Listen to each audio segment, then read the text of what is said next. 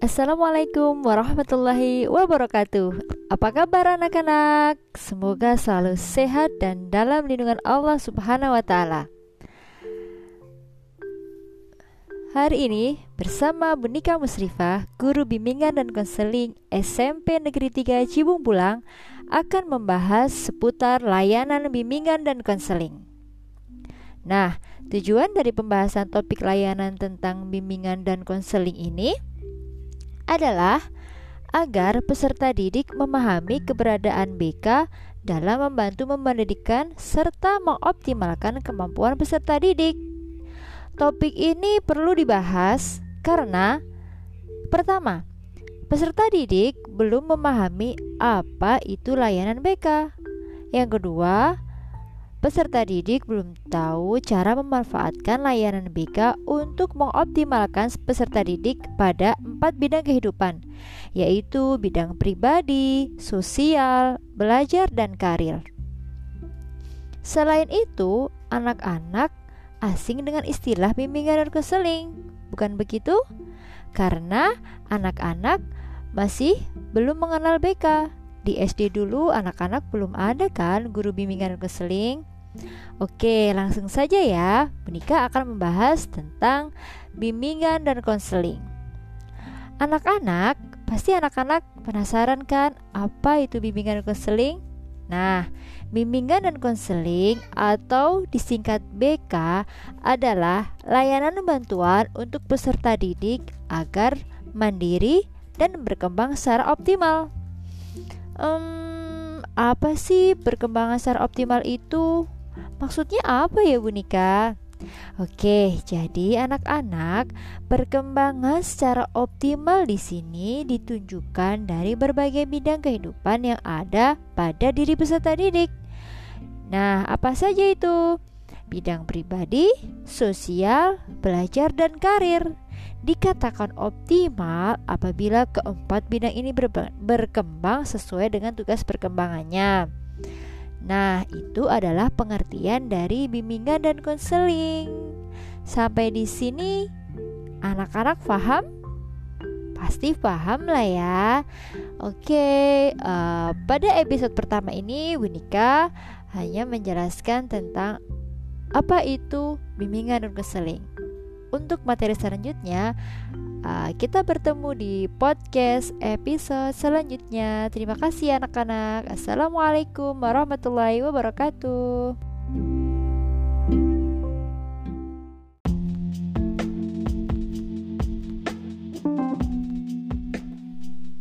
Assalamualaikum warahmatullahi wabarakatuh. Apa kabar anak-anak? Semoga selalu sehat dan tetap semangat. Kembali lagi di podcast layanan bimbingan dan konseling bersama Bunika Musrifah Guru bimbingan dan konseling SMP Negeri 3 Cibung Bulang Oke, pada episode pertama Ibu sudah menjelaskan pengertian dari bimbingan dan konseling. Ya kan, sudah disimak kan anak-anak? Nah, pada episode kedua kali ini Bunika akan melanjutkan pembahasan uh, Masih tetap dengan uh, topik layanan bimbingan dan konseling. Oh iya, anak-anak, BK bukan mata pelajaran ya. BK bukan seperti matematika, bahasa Indonesia, bahasa Inggris atau mata pelajaran yang lain. BK merupakan layanan yang diberikan kepada peserta didik agar peserta didik mampu mengembangkan dirinya secara optimal. Oleh karena itu, guru BK di sekolah bisa dijadikan sebagai sahabat siswa. Artinya, siswa dapat bercerita berbagai hal yang mengganggu pikirannya kepada guru BK. Nah, manfaatkan nih anak-anak. Bunika bisa loh diajak untuk curhat. Anak-anak mau curhat tentang masalah apa aja, bisa ke Bunika. Oke? Nah, karena guru BK akan berusaha mengupayakan dan memberikan bantuan kepada peserta didik demi memecahkan masalah serta mencapai kemandirian pada peserta didik. Jangan ragu lagi, ayo silahkan uh, anak-anak bisa menjadikan Bunika sebagai sahabat kalian. Nah, sekarang sudah semakin kenal kan dengan guru BK? Tak usah ragu dan tak usah takut bersahabat dengan guru BK. Oke anak-anak, demikian podcast episode episode kedua kali ini. Semoga bermanfaat. Selamat beraktivitas, salam sehat dan tetap semangat. Wassalamualaikum warahmatullahi wabarakatuh.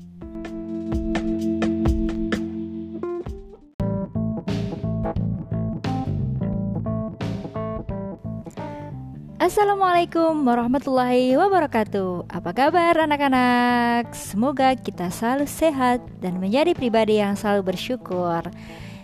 Amin. Oh iya, anak-anak jangan lupa ya tetap taat dengan protokol kesehatan. Semoga pandemi ini segera berakhir dan kita bisa belajar kembali di bangku sekolahan. Amin Terima kasih anak-anak sudah menyimak podcast tentang layanan bimbingan dan konseling. Masih tetap bersama Bunika Musrifah, guru BK SMP Negeri 3 Cibung Pulang. Pada episode 3 kali ini, Bunika akan menjelaskan tentang tujuan bimbingan dan konseling. Apa sih tujuan bimbingan konseling itu?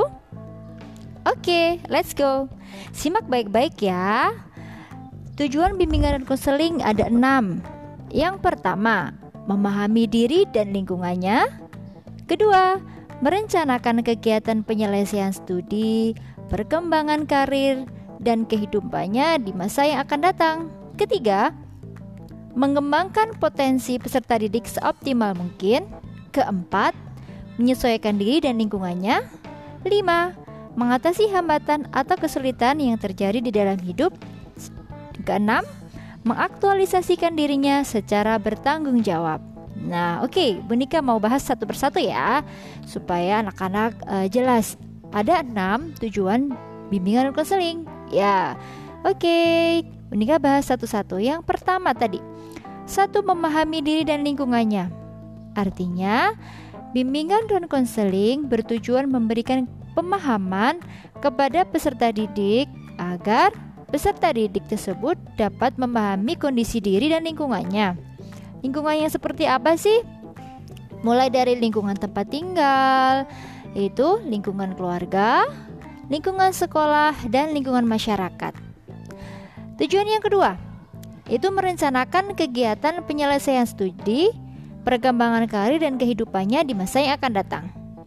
Artinya, tujuan dari layanan BK ini membantu menyelesaikan studi, mulai dari menyusun strategi belajar, kemudian menggali minat bakat anak-anak. Uh, contohnya dari pemilihan ekstrakurikuler atau kalian sebut dengan ekskul atau arahan karir dari mata pelajaran yang kalian sukai, kemudian mata pelajaran yang nilainya tertinggi mulai dari kelas 1 sampai kelas 3 atau mulai dari kelas 7 sampai kelas 9 nanti. Yang ketiga, mengembangkan potensi peserta didik seoptimal mungkin. Nah, di sini guru BK bertugas menggali potensi-potensi anak-anak yang belum terungkap melalui bisa melalui tes, melalui angket, eh, kuesioner, wawancara dan lain sebagainya. Yang keempat, menyesuaikan diri dengan lingkungannya. Lingkungan di sini mempunyai pengertian bahwa siswa dapat menyesuaikan diri di lingkungan dari lingkungan keluarga, sekolah, maupun masyarakat.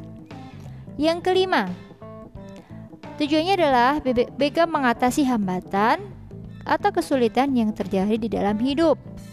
Guru BK di sini berupaya agar peserta didik dapat memahami masalahnya dan menemukan sendiri alternatif solusi yang diinginkan.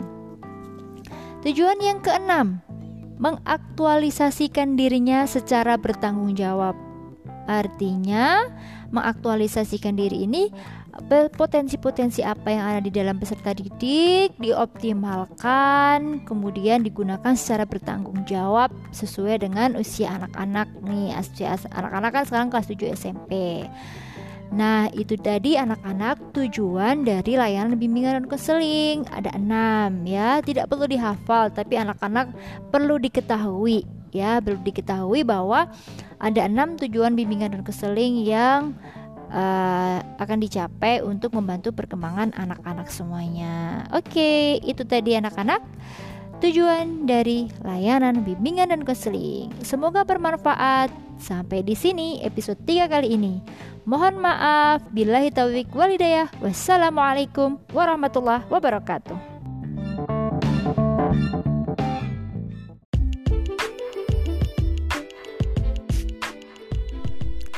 Assalamualaikum warahmatullahi wabarakatuh. Apa kabar anak-anak? Semoga selalu sehat, bahagia, dan menjadi pribadi yang selalu bersyukur. Amin. Pesan Bunika, tetap jaga protokol kesehatan supaya Allah menghindarkan kita dari uh, virus atau pandemi COVID-19 ini. Amin. Baik, terima kasih anak-anak masih tetap uh, menyimak podcast Bunika ya. Masih tetap setia dengan podcast Bunika Guru BK SMP Negeri 3 Jipung Pulang. Podcast, layanan, bimbingan, dan konseling. Pada episode keempat kali ini, Bunika akan menjelaskan tentang fungsi dari layanan bimbingan dan konseling. Ada lima fungsi layanan bimbingan dan konseling yang perlu anak-anak pahami.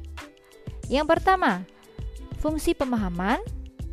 Kedua, fungsi pencegahan. 3. Fungsi pengentasan 4. Fungsi pengembangan 5. Fungsi pemeliharaan Baik, Bunika akan bahas satu persatu Fungsi pemahaman Fungsi pemahaman di sini guru PK berupaya agar peserta didik memiliki pemahaman, keterampilan, dan kecakapan hidup anak-anak. Kedua, fungsi pencegahan Artinya, guru PK mencegah terjadinya masalah-masalah yang mungkin akan terjadi pada diri peserta didik. Yang ketiga, pengentasan. Artinya, di sini guru BK membantu mengentaskan masalah-masalah yang sedang dihadapi oleh anak-anak. Yang keempat, fungsi pengembangan, yaitu guru BK membantu mengembangkan potensi yang dimiliki oleh peserta didik. Yang kelima, fungsi pemeliharaan. Artinya, guru BK membantu memelihara keterampilan-keterampilan yang sudah dimiliki oleh anak-anak agar mampu tumbuh dan berkembang menjadi keterampilan hidup yang dapat bermanfaat dalam kehidupan anak-anak semua. Nah, itu tadi adalah lima dari fungsi layanan bimbingan dan konseling yang perlu anak-anak pahami sehingga nanti kalian bisa memanfaatkan BK dengan baik ya. Oke, anak-anak, melalui fungsi layanan bimbingan dan konseling ini diharapkan setiap peserta didik atau anak-anak mendapatkan layanan bimbingan dan konseling yang akan dirahasiakan. Jadi, setiap anak-anak yang datang ke Bunika yang akan memanfaatkan layanan BK akan dirahasiakan informasi pribadinya ya jadi akan terjaga kerahasiaannya serta akan Bunika terima atau akan guru BK terima kedatangannya dengan sukarela dan terbuka. Nah, untuk itu, anak-anak jangan sungkan atau takut untuk bercerita atau sekedar berkonsultasi dengan guru BK. Ya, oke. Okay? Jangan takut dengan guru BK karena kan sahabat siswa guru BK itu, ya. Karena di sini guru BK akan berupaya membantu mengentaskan permasalahan anak-anak mulai dari masalah yang ringan, sedang sampai masalah yang sekiranya berat dirasakan oleh anak-anak tersebut. Oke, anak-anak, jangan ragu, jangan takut untuk cerita apa pun masalah anak-anak dengan ibu ya. Bunika sebagai guru BK SMP Negeri 3 Pulang. Baik, itulah anak-anak episode keempat tentang fungsi layanan bimbingan dan keseling. Semoga bermanfaat. Mohon maaf apabila Bunika banyak kesalahan. Bunika akhiri. Bilahi taufik wal hidayah. Wassalamualaikum warahmatullahi wabarakatuh.